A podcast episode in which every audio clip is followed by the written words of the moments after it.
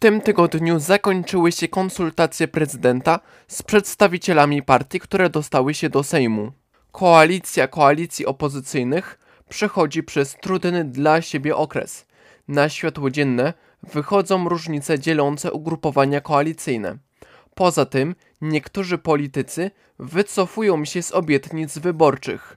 Widać, że lekkie zgrzyty wewnątrz wielkiej, złożonej koalicji mają miejsce i stawiają pod znakiem zapytania jej trwałość. PiS daje wrażenie, jakby był tonącym, próbującym się chwycić brzytwy.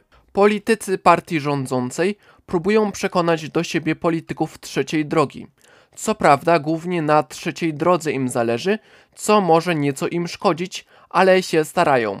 Ugrupowanie PSL i Polska 2050 mogłoby pozwolić PiS stworzyć nowy rząd. Ja nie życzę źle PiSowi, bo trzeci rząd Morawieckiego gwarantowałby kontynuację strategicznych inwestycji, takich jak CPK. Mimo tego niestety ich szanse są marne i są jednak tym tonącym.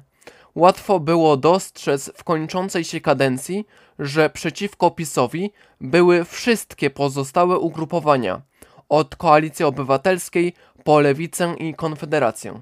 Jedyną szansą na realizację zwycięstwa partii Kaczyńskiego jest rozpad koalicji opozycyjnej i przekonanie do siebie reszty ugrupowań, ale czy to będzie możliwe, nie wiadomo.